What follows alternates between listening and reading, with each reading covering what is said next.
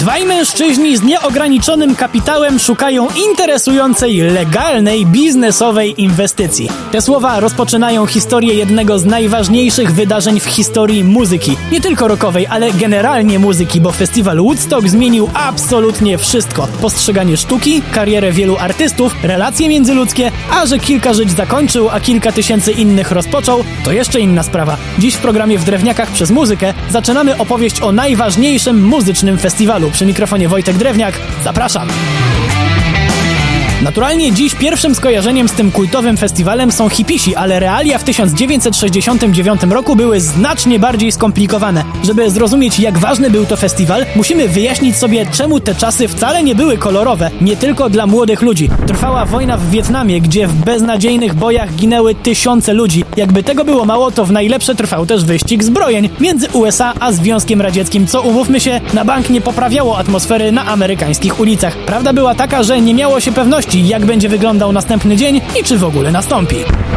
Takich warunkach buntownicza muzyka rockowa przeżywała swój prawdziwy rozkwit. Dzisiaj przez wiele ortodoksyjnych środowisk uznawana za niebezpieczną i agresywną, na przełomie lat 60. i 70. była nośnikiem hipisowskich haseł jak przyjaźń, miłość i, okej, okay, nie oszukujmy się, również bunt przeciwko ówczesnej sytuacji. Tak czy inaczej, nie ma się co dziwić, że na plakacie zapraszającym na festiwal w 1969 roku znalazł się biały gołąb na gryfie gitary. Pokój i muzyka miały zapanować chociaż na kilka dni. Dziś mówi się, że się udało i było pięknie, ale to nie do końca prawda. Zacznijmy jednak od tego, kto Woodstock wymyślił.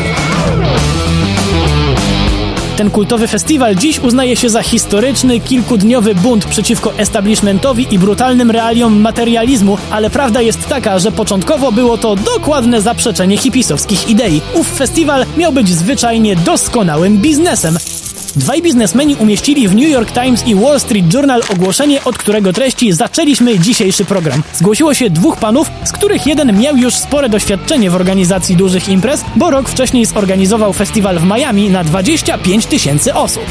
Pierwotnie impreza miała się odbyć w mieście Walkill w stanie Nowy Jork na stadionie, nazwijmy to miejskim. Jednak idea takiego spędu bardzo nie spodobała się lokalnej społeczności, pod której presją lokalne władze nie zgodziły się na organizację imprezy. Formalnym powodem wypowiedzenia umowy było niespełnienie standardów sanitarnych, ale nie było wielką tajemnicą, że lokalni mieszkańcy nie mieli ochoty na wizytę kilkunastu tysięcy młodych ludzi, bo taką frekwencję deklarowali organizatorzy. Był 15 lipca 1969 roku i biznesmeni nie wiedzieli, gdzie zorganizować swój festiwal, a tym bardziej, jaką stanie się on legendą i to już za miesiąc. Bo dokładnie tyle czasu potrzebowano na znalezienie nowego miejsca. Swoją farmę udostępnił jeden z rolników w miejscowości Bethel, również w stanie Nowy Jork. No ale chwila, jak to w jakimś Bethel? Jak festiwal nazywał się Woodstock? To nie w Woodstock była ta impreza? Absolutnie nie, chociaż faktycznie wypada sobie wytłumaczyć skąd wynika to kuriozum nazewniczo-geograficzne.